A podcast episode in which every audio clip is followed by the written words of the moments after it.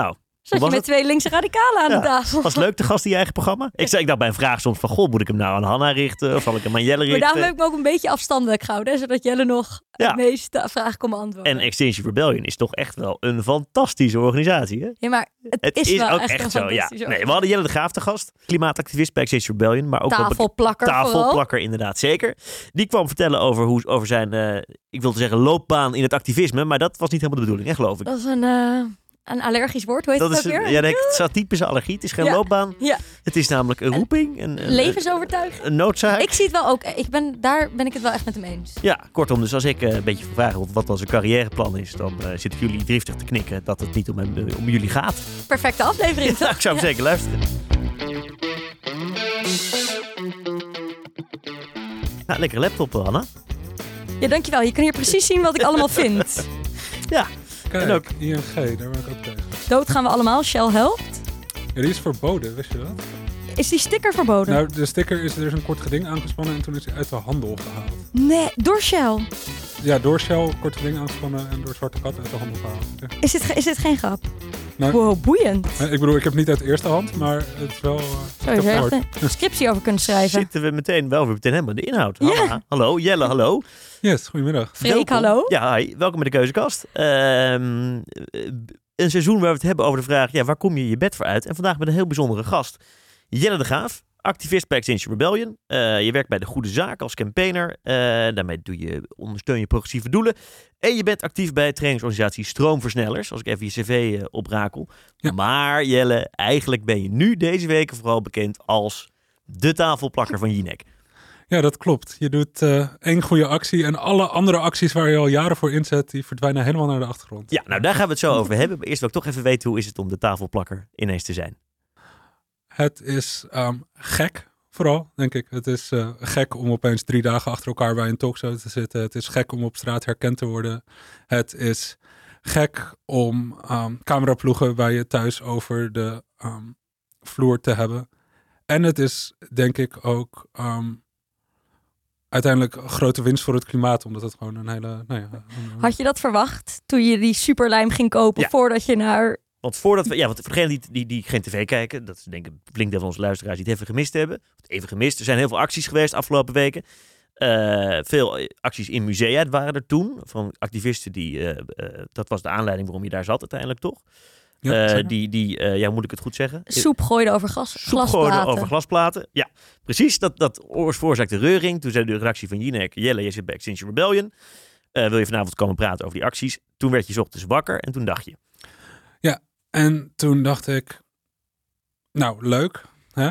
mooi, kan ik uitleggen waarom zulke acties werken. Ja. En zodra ik dat dacht, dacht ik, ja, maar als ik ga uitleggen waarom zulke acties werken en waarom dat veel meer impact heeft dan gewoon de dagelijkse gang van zaken volgen, dan moet ik eigenlijk zelf ook wel nou ja, de consequentie trekken om ook zo'n actie te gaan doen. Dus toen, eh, En welk moment was dat? was, dat was je onderweg naar de studio? Of was je Nee, ik- met Hanna? Want even voor de goede orde, jullie kennen elkaar allebei goed van Ja. Rebellion. Klopt. yes. Ja, het is één klein club. Nou, Eén het is best wel een grote nee, club het is inmiddels. een grote club. Ik hoorde jou laten zeggen duizend mensen, maar dat is niet waar. We zijn met een paar duizend mensen in Nederland. Oh, kijk, zo Nou. hoor je nog eens wat. Maar goed, ik zeg rond de duizend die echt heel actief zijn, die je Ja. allemaal wel goed kent.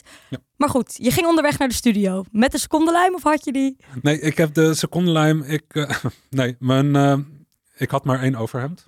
Die was vies. Dus mijn trip ging van mijn huis naar de Suit Supply om een extra overhemd te kopen. Oh, zodat netjes, ik met meteen een mooi overhemd. Met een schoon hemd er naartoe kon Zodat je gaan. niet als een soort ongewassen klimaatactivist, eh, Nee, dan krijg je dat Precies, weer. je moet, ja, krijg je dat weer. Ja. Hè? Dan gaat het daarover. Ja. Nou, dus toen nog even snel langs het Van Gogh selfie maken met op de achtergrond een schilderij van Van Gogh die een soort van of een eh, zelfportret terwijl nou ja, hij nou ja, ehm, de camera inkeek. Vanuit daar nou, op Instagram zetten. Vanavond bij Jinek, allemaal kijken. Dat eh, hebben mensen gedaan. Was je zenuwachtig? Toen nog niet, want toen was ik veel te druk met het regelen van dingen. Want zelfs, nou ja, toen snel nog even wat te eten halen. Door daar naartoe.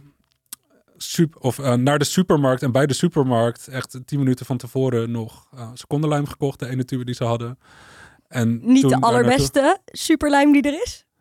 Ja, dit is het uh, pijnlijke moment. Ik ben 90 kilo en ik denk dat als je mij, um, met welke lijm je ook gebruikt, als je me van de tafel afgooit waar ik met mijn handen aan vastzit, ja, ja dan uh, doet de zwaartekracht zijn werk. We staan hier is net een klein modelletje dan bij Jinek. Ja, hier pas ik niet op. Nee, dat gaat nee. niet worden. Nee. Nee, en heb je, had je bewust al van tevoren gekozen, ik ga niet gewoon mijn hand op tafel plakken, maar ik klim ook daadwerkelijk de tafel op en allebei mijn handen plak ik vast? Nee, het plan was om één hand vast te plakken en de andere hand te gebruiken om de spreektekst die ik had, ik had gewoon een tekst, um, om die te gaan lezen. Maar toen hadden ze de microfoon voor de binnenzak gedaan waar um, die tekst in zat. Dus die kon ik er niet uithalen. Dus toen dacht ik, ja, dan moet ik improviseren. Stukje improvisatie. Allebei de handen. En ja. uh, zo is het gaan. En dat heeft een hele nasleep gehad. Ja. Nu ben je de tafelplakker. Je zei net, het is best gek om uh, dat je dat de een dan doet en dan is dat je... Wat merk je daar dan van? Word je op straat, worden mensen ook wel chagrijnig op je soms? Ik, um, nee, over het algemeen um, reageren mensen heel um, positief. Hè? Op straat dan, op Twitter is anders. nee, dus de meeste reacties op straat zijn positief. Maar als iemand held naar je roept of je iemand die je niet kent je een box geeft, is ook super awkward. Hè? Het is, uh, ja. het is niet ja. dat het dan. Maar ook wel lekker, kan ik me voorstellen. nou, als je net een paar negatieve reacties op Twitter hebt gelezen, dan is het wel lekker. Maar als je net wakker bent en je hebt je eerste kop koffie nog niet op en je bent op weg naar de supermarkt omdat je erachter bent gekomen dat je koffie op was en iemand doet het dan, dan denk je, ja, ja kan je me niet gewoon even met rust laten, joh. Ja, maar, maar, ja, maar wat ik bedoel ook, kijk, jullie hebben heel, doen het al best lang. Hoe lang ben je al actief bij Extinction Rebellion? Ja, sinds begin 2019. Nou, ik, dus ook ongeveer dus toen Extinction Rebellion naar Nederland toe kwam. Ja dus, het, ja, dus ik deed mee in april 2019 met de eerste grote actieweek. En toen was ik ook nog actief in de lokale politiek. Dus deed ik echt alleen mee aan acties, maar hield ik me ook een beetje op de achtergrond. En toen bij de grote rebellie aan het einde van 2019 ben ik echt uh, nou ja, ook achter de Dat was toch de actie geworden. op de stadhouderskade dat er zich een paar honderd mensen daar op straat zijn gaan zitten? Ja, volgens mij zaten we echt met duizend mensen Ja, toen. Het is, uh, Zo'n ja, bijzondere actie was dat. Ja, dat was heel Ja, gaaf. misschien moeten we even kijken naar je meer complete loopbaan, hoe het allemaal is begonnen. Welke opleiding heb je gevolgd? Ja, dit, ehm, de, de vraag zou zijn welke opleidingen heb je gevolgd? Ehm, ja, dus ik ben ehm, begonnen met gymnasium. Dat duurde anderhalf jaar. Toen ben ik VWO gaan doen. Dat duurde anderhalf jaar. Toen ben ik HAVO gaan doen. Nou, toen heb ik dat gewoon netjes afgemaakt. Toen ben ik audiovisuele visuele media gaan studeren, want ik wilde filmmaker worden. In Hilversum heb ik dat gedaan.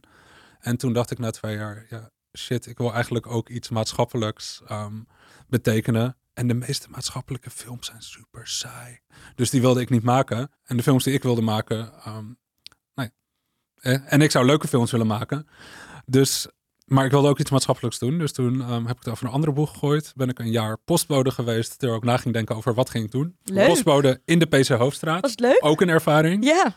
Nee, het is best grappig als je ochtends met je stapeltje post opeens tegen Gordon aanstoot terwijl je door de straten loopt. Um, toen ben ik politicologie gaan studeren en eigenlijk tijdens die studie politicologie werd ik um, gevraagd om mee te schrijven aan het verkiezingsprogramma van de Piratenpartij Amsterdam in 2014 en om um, op de lijst te gaan staan in Amsterdam En om naakt op de foto voor de verkiezingen te gaan, of was dat later? Nee, dat was nog vier jaar Oh, later. Ja, nee. Wat was het idee daarachter? Piratenpartij is natuurlijk voor, priv voor recht Ja. op privacy, dus, dus je bent naakt op internet.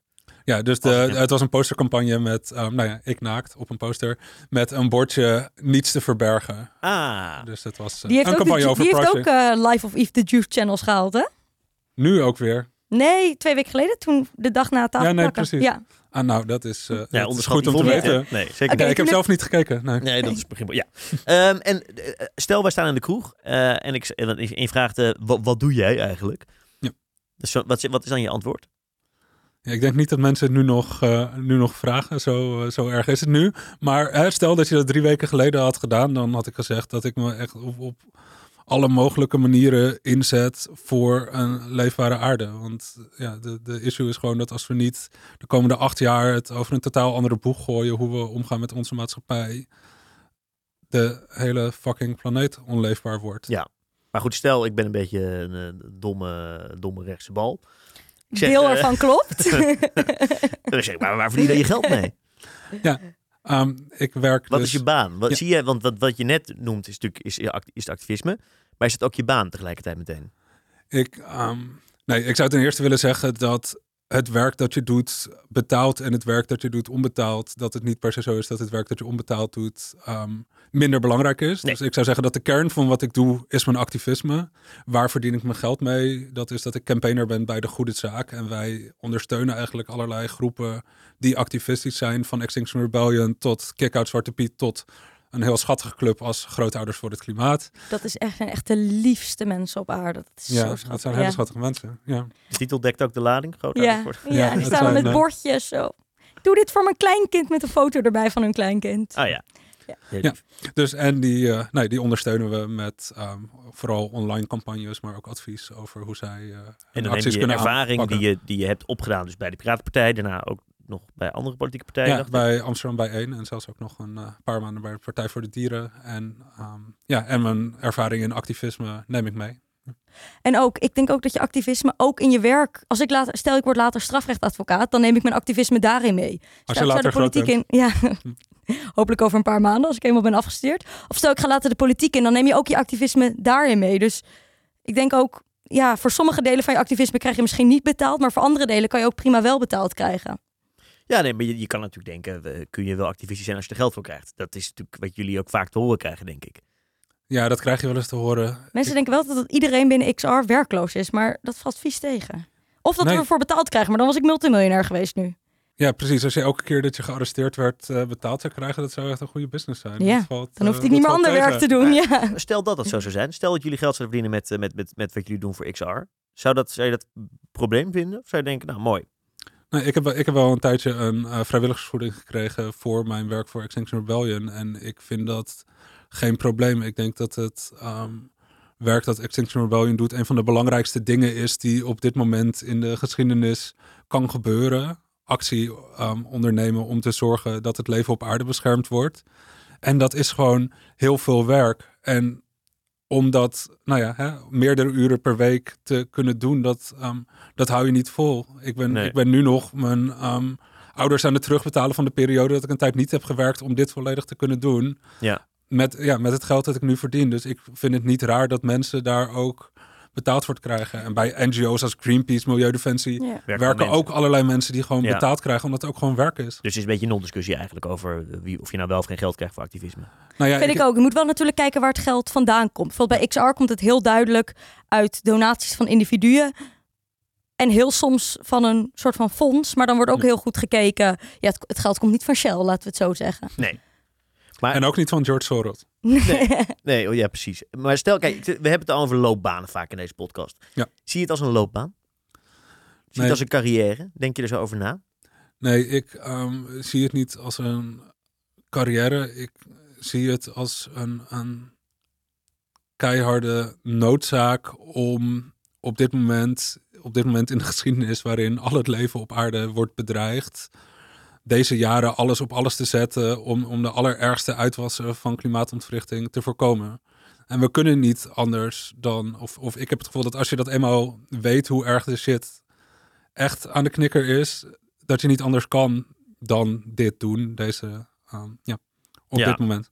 En als je dan kijkt naar de diepe, denk ik, menselijke behoefte om jezelf ook te willen ontwikkelen. Nee, maar uiteraard, ehm, ben- ik, wat ik een van de meest inspirerende dingen vind aan Extinction Rebellion, ik ben, ehm, je, hebt, je hebt mensen die ehm, zeg maar aan het einde van hun carrière zitten, die binnen Extinction Rebellion actief zijn. Dus eind 50ers, 60ers, ehm, sommige mensen met pensioen. En je hebt heel veel mensen van rond de, nou ja, ergens in hun twintiger jaren. En, en ik ben zelf 33, dus ik hang daar een beetje tussenin. En de kwaliteiten die ik zie bij soms mensen van 20 of, of, ehm, soms zelfs 18, 19, de, de leiderschapskwaliteiten die zij al hebben, die hebben ze kunnen ontwikkelen binnen Extinction Rebellion. Dus ik ken geen plek waar mensen zoveel verantwoordelijkheid krijgen, nemen en zich zo ontwikkelen als bij XR. Maar ik denk niet dat dat het primaire doel is. Of ja, dat is niet de hoofdreden dat mensen er zijn. Nee. Mensen zijn er omdat ze weten hoe erg het is. Maar ik heb zelden ergens zoveel geleerd als binnen XR. Wanneer ben je nou op je 25ste met de gehele marechaussee aan het onderhandelen over een demonstratie van 500 mensen? Ja. Wanneer sta je nou met de politie ergens over het recht op demonstraties te onderhandelen? Maar ook gewoon over hoe werken organisaties? Wat is een effectieve manier van jezelf organiseren, van vergaderen? Dat leer je niet in de collegebanken. Ja, en dat is natuurlijk wat, an- wat, wat mensen die bij eh, eh, Shell gaan werken. Om even een eh, leuk voorbeeld te nemen. Die zeg maar het halve kabinet. het halve kabinet. Die, maar die leren natuurlijk. Goeie. Kijk, mensen doen natuurlijk vaardigheden op, zoals vergaderen, organiseren, met mensen werken, alles is politiek. Die je ook binnen zo'n organisatie als XR, denk ik, opdoet. Ik bedoel, ik kan me niet voorstellen dat er, geen, dat er nooit enig eh, politiek spelletje wordt gespeeld, ik noem maar wat. Dat er nooit verschillende belangen zijn. Is het allemaal pai en vrede? Eh, Allemaal lieve vrede in die hele organisatie? Nee, maar natuurlijk niet. Maar dat betekent niet dat. ehm, ik zou, eh, het woord politieke spelletjes zou ik echt niet. ehm, dat, dat herken ik niet Nee. in de jaren dat ik bij XR be- actief ben geweest. Wat je wel ziet is dat soms mensen een andere visie hebben over hey, waar, wat voor soort acties zouden we moeten doen. Maar juist omdat het zo'n horizontale, non-hierarchische organisatie is, word je A gedwongen om er met elkaar uit te komen. En B heb je ook heel veel ruimte om, als je er niet met elkaar uitkomt, nou ja, los van elkaar verschillende dingen te gaan organiseren. En dan zie je vanzelf wat aanslaat en wat werkt en wat niet. Wat eh, zeg jij, of jullie, want jullie zitten redelijk op hetzelfde, Ja. eh, op hetzelfde lijn op dit, op dit punt, tegen iemand die nu jullie acties volgt, die is eh, 22, komt net van de universiteit af, denkt ik eh, voel die, die noodzaak ook, maar ik wil eigenlijk ook gewoon een normale baan. Ja. En leren wat je daar leert en collega's krijgen en eh, een 9 tot 5 leven, want daar heb ik even zin in. Wat zeg je tegen, tegen die mensen? Nee, maar dat, dat snap ik helemaal. De reden dat, ehm, de reden dat we het leven op aarde moeten beschermen is omdat namelijk alle mensen zouden een normaal, fatsoenlijk leven moeten kunnen hebben. En we leven in een, in een land waar, waar dat ook nog kan. Hè? Ik bedoel, in Pakistan is een derde van het land onder water gelopen. Nou, in Nederland niet. Dus het lijkt me heel goed dat mensen dat ook doen. En ook, nou ja, hè, ik vind het heel fijn om met familie te zijn. Ik vind het fijn om met vrienden te zijn. En dat doe ik ook. Ik zit heus niet eh, hele dagen me vast te plakken aan tafels. Nee. Nee, maar als je hebt over het thema werk, zijn natuurlijk ook mensen die zeggen... Ja, ik zoek gewoon een baan en ik wil Ja. eigenlijk actiever worden, maar ik, ik, ik zie het niet zitten om... om dus, Nee, zeg maar je kan, op allerlei, je kan op allerlei manieren ehm, actief worden. Dus heb je twee uur per week, dan, eh, nee, dan word je twee uur per week actief. Ja. Er zitten mensen in ons mediateam, die hebben ook gewoon een normale baan. Die zullen zich nooit laten arresteren, want ehm, nee, dat, dat zijn dat, dit is ook die tussengroep trouwens. Er zijn een aantal eh, moeders met eh, puberkinderen, die, die besturen stiekem onze media. Ja. En die, ehm, ja, die, die, die besteden dan een aantal uur per week binnen de kader naast hun gewone werk aan Extinction Rebellion. Dus het is echt niet, eh, niet zo dat alles of niets is. Nee, en dat zeg je ook tegen mensen die, die met die vraag naar je toe komen. Ja, zeker. En, en we gaan kijken waar, waar binnen een organisatie pas je. Wat is de kwaliteit die jij Ja. hebt en hoe kan je daarmee bijdragen aan het geheel? Maar je kan dus door je hele loopbaan, en dat is een heel eh, klassiek boomerwoord, ik zie Hanna al kijken van, eh, daar gaat hij weer. Kun je, op, maar dat is ook voor luisteraar die, nu, die dit nu luisteren, de luisteraar die dit nu luistert, die denkt, ja, ehm, ik, ik wil dit. Je kan je hele carrière hier omheen bouwen dus. Dat heb jij gedaan. Ja, maar is het een carrière Nee, of is het ik- gewoon je leven? Wat Ja, maar, je nee, maar ik om zou het niet zeggen. Ik zou het niet zeggen. Ik denk dat ik. ehm, ik denk dat als ik voor mijn carrière was gegaan, dan was ik actief ehm, gebleven in de lokale politiek. En dan had ik misschien wel nu in de gemeenteraad gezeten. En Ja. had ik over een paar jaar, ehm, als ik hè, netjes binnen de lijntjes was blijven kleuren, had ik in de Tweede Kamer gezeten. Maar op het moment, hè, als het allemaal, ehm, hè, als ik dat heel zorgvuldig had gedaan. Ja. Dus ik zou eerder zeggen dat ik een politieke carrière heb opgegeven, omdat nou ja, ik van binnenuit heb meegemaakt dat de politiek niet de verandering voor elkaar krijgt die nodig is om het leven op aarde te beschermen. En ja, ik ontwikkel me binnen activisme en ja, ik krijg een steeds groter podium en dat is ook niet te ontkennen. Hè. Ik zit hier nu, ehm, ik zit hier nu aan tafel en dat was anders niet zo geweest. En niet iedereen binnen Extinction Rebellion zit, ehm, zit hier aan tafel. Maar dat betekent niet dat het een carrière is. Dat betekent dat ik me heb ja, weten te ontwikkelen. Zit er ijdelheid in activisme? Oh ja, tuurlijk zit er ijdelheid in activisme. Ik denk dat er ijdelheid in alle, in alle mensen zit. En eh, nee, je wil graag aardig gevonden worden, of, ehm, of, of slim gevonden worden, of grappig gevonden worden, Of aandacht krijgen? of aandacht krijgen. Ja. Ben je trots op hoe het is verlopen? Dat je hebt gekozen echt voor die activistische kant en niet meer voor die kant van in de luwte, meer binnen de lijntjes kleuren? Ja, ik denk dat ik op de basisschool al niet binnen de lijntjes kleurde. Dus ik denk dat mijn karakter er ook niet helemaal het meest geschikt voor is. Ehm, maar ik ben, ik ben echt niet trots op alle losse acties of dingen. En er gaan ook gewoon dingen fout. En dus er kunnen altijd dingen beter gaan. Maar ja, ben ik trots op de, de grote keuze die ik in mijn leven heb gemaakt om me bezig te houden met het verbeteren van de wereld? Ja, natuurlijk. En ik denk dat iedereen dat eigenlijk zou moeten doen. En nu is het 2022. Je een paar hele heftige weken achter de rug. Een paar ook geslaagde weken, denk ik. Ehm, hoe nu verder? Want het momentum, Ja. de wind is in de rug, om het even zo te zeggen. De aandacht is er, maar dat, zoals het gaat in ieder geval, media-aandacht, die kan ook snel weer weg zijn. Ja, dat Eh. hebben we afgelopen week al gemerkt. Dat gaat Het was, klimaat was er weer niet sexy genoeg. Het was er weer te lang geleden dat de laatste actie was. En dan word je weer allemaal afgebeld. Ja, dus alle. Ja. Hè, En dit was twee dagen nadat 500 mensen de hele, alle privéjets op Schiphol hebben platgelegd. Waren er vier talkshows die ehm, allemaal last minute afzeiden. Dus dat is heel interessant. Ja, aflevering Talkshow-dynamiek, die gaan we echt nog wel een keer opnemen. Maar die, die laat ik nu even liggen, ja. Het, ehm, hoe nu verder, hoe, hoe burgerlijke ongehoorzaamheidscampagnes werken, is, is dat je in een, een, wat wordt genoemd, een moment van de wervelwind ehm, terecht kan komen, waarin opeens alles vloeibaar wordt en dingen heel snel kunnen schuiven. En ik denk dat we nu aan het begin daarvan zitten. En de vraag is, hoe kunnen we dat zo lang mogelijk rekken en volhouden en zoveel mogelijk druk opvoeren, zodat heel grote beleidsveranderingen die moeten plaatsvinden, ook echt gaan plaatsvinden. die vraag. Wat is het antwoord? Ja, er zijn eigenlijk drie elementen die, ehm, die burgerlijke ongehoorzaamheidsacties ehm, laten slagen. De eerste is disruptie, dus het moet verstorend zijn. En ja, dat kan zijn doordat je zeg maar hè, een half vliegveld ehm, platlegt, maar dat kan ook een soort sociale disruptie zijn. Dus de- het ongemak dat er is als je soep tegen, tegen een glazen plaat in een museum aangooit. Ongemak en, en, en, en, en boomerwoede, om het maar even zo te noemen. Ja, de boemerwoede was wel ook aanwezig de afgelopen heftig, paar weken. Ja, jemmig. Ook Ja. in het concertgebouw. Dat Ja. was, eh, Maar goed, de boomers moeten ook uiteindelijk mee. Het is ook hun toekomst en de toekomst van hun kleinkinderen. Ja, maar de boomers zullen dan... Ik ben niet de woordvoerder van de boomers in deze podcast, maar die zullen zeggen... eh, wat is het, eh, wat is het, eh, hoezo? En het middel gaat voorbij en blijft van kunst af of blijft van het concertgebouw af. Nee, maar de, de, ehm, Dus, dus, dus die moet je meekrijgen. Dus je hebt disruptie, je hebt ongemak. Nee, dus je hebt eigenlijk drie stappen. Je hebt, stap 1 is ehm, disruptie. Stap 2 is ehm, opoffering. En opoffering vind ik een groot woord als je ziet zeg maar, hoe, hoe, hè, hoe erg mensen al lijden onder deze crisis. Maar dat gaat erover dat je laat zien dat je, nee, dat je ook je, je, je eigen, je eigen leven, en dan bedoel ik niet als leven of dood, maar wat je hebt, wat je mee, dat je dat op het spel zet. Ik las een interview met je in de, na, de, na de tafelplakactie. En daarin zei je, ik, ik offer mijn leven wel op, mijn eigen leven, voor bijvoorbeeld haatreacties. Ja, dat, nee, precies. Dus het gaat over gearresteerd worden, maar het gaat ook over omgaan met eh, duizenden, misschien wel tienduizenden online haatreacties de afgelopen weken. Ja. Dat is niet leuk. Nee. En Ja. dat laat je zien, nee, dat kan ik me voorstellen. En dat laat je zien dat, dat, eh, dat je daartoe bereid bent. Ehm, Dat is opoffering.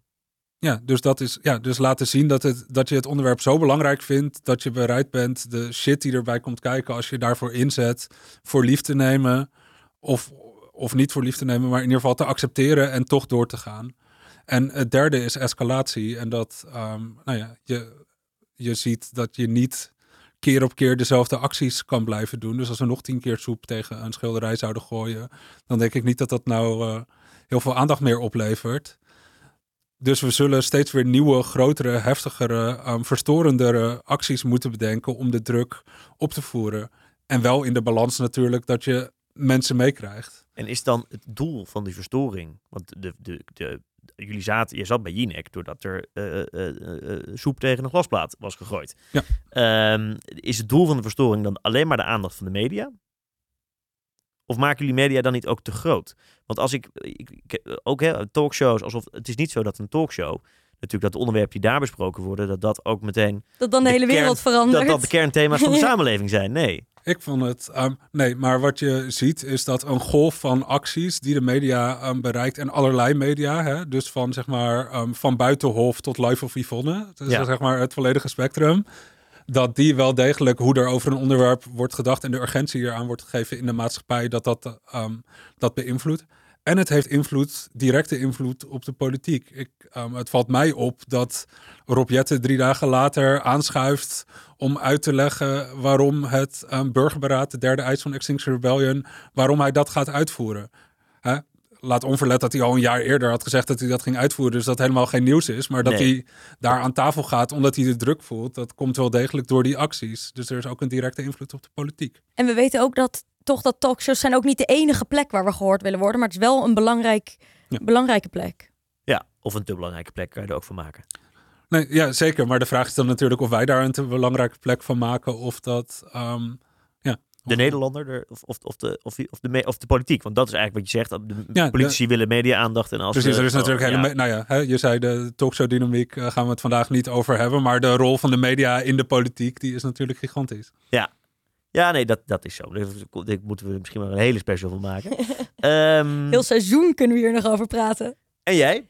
Want loopbaan, ja, ik blijf het woord toch gebruiken, heerlijk. Eh, Levensovertuiging. levensovertuiging Mag mag ook. ook. Leven, überhaupt. Maar daar heb je vaak een soort plan in, of daar heb je persoonlijke doelen in. Of is, is dat, is dat, heb je dat, bestaat dat niet?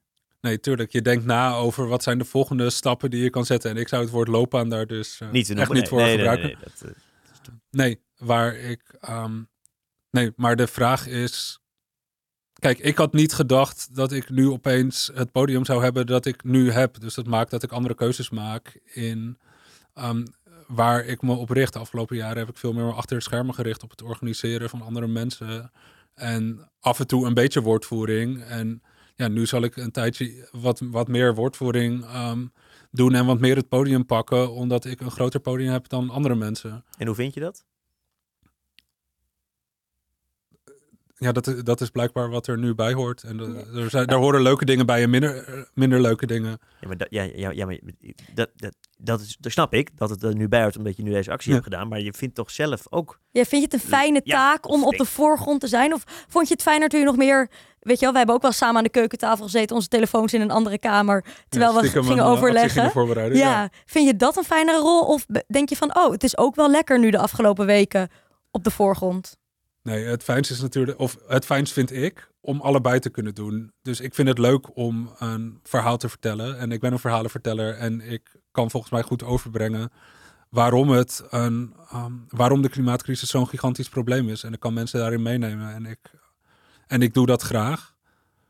Maar ik vind het ook heel erg leuk om mensen te organiseren en om samen plannen te maken en om een actie te bedenken en om de creativiteit ehm, die ik heb daarvoor te gebruiken en om te, om te schrijven. En eh, ja, Wat had, je, wat had je gedacht dat de uitkomst zou zijn? Je dacht, ik ga zitten, ik ga mijn briefje voorlezen, wat dus niet was gelukt. Nee. Hoe verwachtte je dat je van die tafel af zou komen? Had je daar al over nagedacht en wat er misschien de dagen daarna zou gebeuren? Of was dat gewoon een complete verrassing? nee, ik had gedacht, hè, je verwacht dat het vervolgens ehm, al het nieuws haalt, want ik, ik, nee, ik, ik, ik snap genoeg hoe medialogica werkt. Dat het zo groot zou worden en dat ik drie dagen later nog steeds zeg maar, aan, aan weer andere talkshowtafels zat. En dat, het, dat Rob Jetten twee keer naar talkshows ging om over het klimaat te praten in de week daarna. En dat er twee dagen later klimaatwetenschappers bij Jinek aan tafel zouden zitten. Dat had, ehm, dat had ik niet verwacht. En ik denk dat het een omslagpunt is geworden in het debat over disruptieve klimaatacties. Waarbij bij alle acties in musea mensen nog heel erg kritisch waren. En ik denk dat op, op dat moment door het, het beeld, dus nog even los van wat ik zei, maar het beeld van iemand die letterlijk de macht uitdaagt door op tafel te gaan zitten, dat dat een soort van omslagpunt in hoe er naar die acties wordt gekeken, los van deze ene actie, heeft veroorzaakt. En dat, Hoe vaak eh, in, in een week denk jij na over wat dat met jou doet? Is een beetje psychologenvraag hoor, dat, Ja. dat hoor ik zelf ook. Maar meer, je- je- kijk, je hebt het over wat wil je doen. En zeg je, ja, ik vind het allebei leuk, maar ik, ik, eh, dit is werk, wat nu het beste werkt door mijn actie. Eh, de, de actie heeft enorm succes en dat, dat, dat, dat is allemaal. Maar, maar hoe vaak denk jij van, goh, wat vind ik daar eigenlijk van? Los van de grote reden Ja. waarom je het allemaal doet. Want je, je loopbaan en je activisme versmelt, maar versmelt je eigen persoonlijke wensen en, en datgene waar je voor staat, versmelt dat ook. Nee, tuurlijk. En het, het ehm, eerlijke en ook gewoon best wel shit eh, antwoord is dat ik er te weinig over nadenk. En dat het, dat het moeite kost om, ehm, om daar ruimte voor te maken als je in die soort van... Hè? Ik, ik noemde het net een wervelwind, zeg maar, in activisme waarin alles vloeibaar wordt. Maar het is ook een wervelwind in mijn persoonlijk leven waarin alles... ehm, het is ook een wervelwind in mijn persoonlijk leven waarin alles vloeibaar wordt. En alles gaat zo snel dat het ook heel moeilijk is om, om die stap terug te nemen. En echt even te reflecteren op wat het, wat het met je doet. En hoe je daarmee om wil gaan. En ik, Zit dat in de organisatie? M- mogelijkheden om goed te reflecteren en tot rust te komen? Ja. Ja, er zijn psychologen waar je mee kan praten. Het is ook het- de bedoeling eigenlijk dat er na een actie eventjes een periode van rust is, zodat je weer regeneratief Ja. daarna weer omhoog kan staan, dat je echt even de tijd hebt om bij te komen. Maar het zit wel in de aard van veel activisme, een soort van een vuur van en we moeten nu doorpakken. Dus het idee is dat er een periode van rust is, maar iedereen denkt nu nee, nu moeten we ook pakken wat we kunnen pakken. Nou, en ik kan En dit is ook het moment dat je Ja. moet pakken. Ja. ehm, hè, en dat, dat is ook waar. En ik heb, eh, nou ja, na iets van twee weken heb ik nu ook wel weer een paar dagen ehm, het echt rustiger aan kunnen doen. En dat is ook fijn. Maar het was ook belangrijk dat ik de volgende dag vier cameraploegen over de vloer had. Want een week later zijn we niet sexy genoeg meer. Dus dat, ja, Jij dat bent was het altijd moment waar, sexy genoeg. Ja. ja, dankjewel, dankjewel. Ehm nee, maar dat was, ja, dat was het moment om door te pakken. Dus dat, eh, is het, en het is ook nog je sociale leven, kan ik me voor een groot deel voorstellen. Het is ja, dat was, eh, dat was er even niet. Nee, maar ik kan me voorstellen dat de, de, je medestanders ook Ja. je vrienden worden. Nee, tuurlijk. En eh, als je het organiseren van ehm, acties en dan niet zoiets als dit, want dit, dit heb ik natuurlijk, hè, ik werd wel ondersteund door andere mensen, maar dit heb je uiteindelijk, ehm, ja, in een talkshow zit je in je eentje en op een tafel plak je in je eentje vast. Dus dat is ehm, iets wat je alleen doet. Maar als je samen met iemand een actie organiseert en samen met mensen wordt gearresteerd, dat, dat creëert hele diepe banden en vriendschappen. En zeker als dat meerdere keren gebeurt over jaren. Dus ik heb heel veel vrienden die, ehm, ja, die ook actief zijn bij Extinction Rebellion. En dat, nee, die ervaringen, die, die delen we. Zeg maar van de eerste keer dat je aan een actie meedoet. En, en alle spanning die daarbij hoort. Tot, nou ja, dat je weer in een politiecel terechtkomt. En hoe waren de reacties van de mensen uit je eigen omgeving die misschien niet actief zijn binnen het activisme? Het, het is anders dan dat Zijn- je gewoon gezellig aan een talkshow Zijn die er nog? Ja, nee, die, die ehm, zijn er nog. Wat je. ehm, nee, wat, nou, kijk bijvoorbeeld. ehm, laat, ik, laat ik beginnen met mijn familie. Hè? Dat is eh, gezellig. Nee, mijn familie die was vroeger in de jaren tachtig. toen zeg maar zelfs de meest burgerlijke mensen nog kraakten. ehm, waren die heel actief. In de kraakbeweging, in de vredesbeweging, ehm, ook in de beweging, ehm, voor, eh, in de strijd voor ehm, medicatie voor mensen met HIV en AIDS. Maar die zijn, ja, dat zijn nu hele maatschappelijk betrokken mensen nog steeds, maar die zijn niet zo activistisch meer. Um, nee, die, die steunen we volledig hierin. Dus dat is het eerste. Dan heb je daar een kring omheen van hele directe vrienden. En die zijn, ik ben inmiddels na een paar jaar wel op het punt dat mijn meest close vrienden, dat die ook actief zijn ehm, in een beweging op een manier. En sommigen meer en sommigen minder.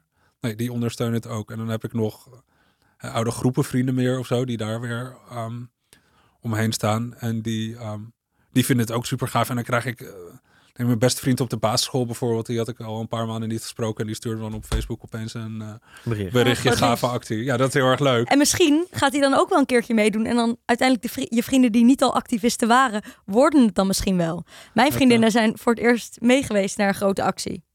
Bijvoorbeeld. Dat ze helemaal verder niet per se activistisch zijn. Maar Het zag er heel wholesome uit ook, Ja. de foto met Was het eh, ook. je vriendin op ja, het is heel leuk dat ze Ja. er waren. Ja, en daar kwamen ook weer heel veel reacties op. Maar daar Ja, gaan we, maar daar gaan we het in een andere in de aflevering volgende over aflevering ook over hebben. Oké, dus eigenlijk als jij nu eh, studeert en denkt, ja, ik, ik, ik voel dat ik me voor iets totaal anders moet inzetten, dan kan je zoveel doen als je wil, maar je kan ook, als je, je kan, Je kan ook- zoveel of zo weinig doen als je wil. Je, kan, kan ook, ook- all in. en je kan ook all in. En dan Ja. moet je alleen even geld voor je ouders lenen een tijdje. Van iemand anders.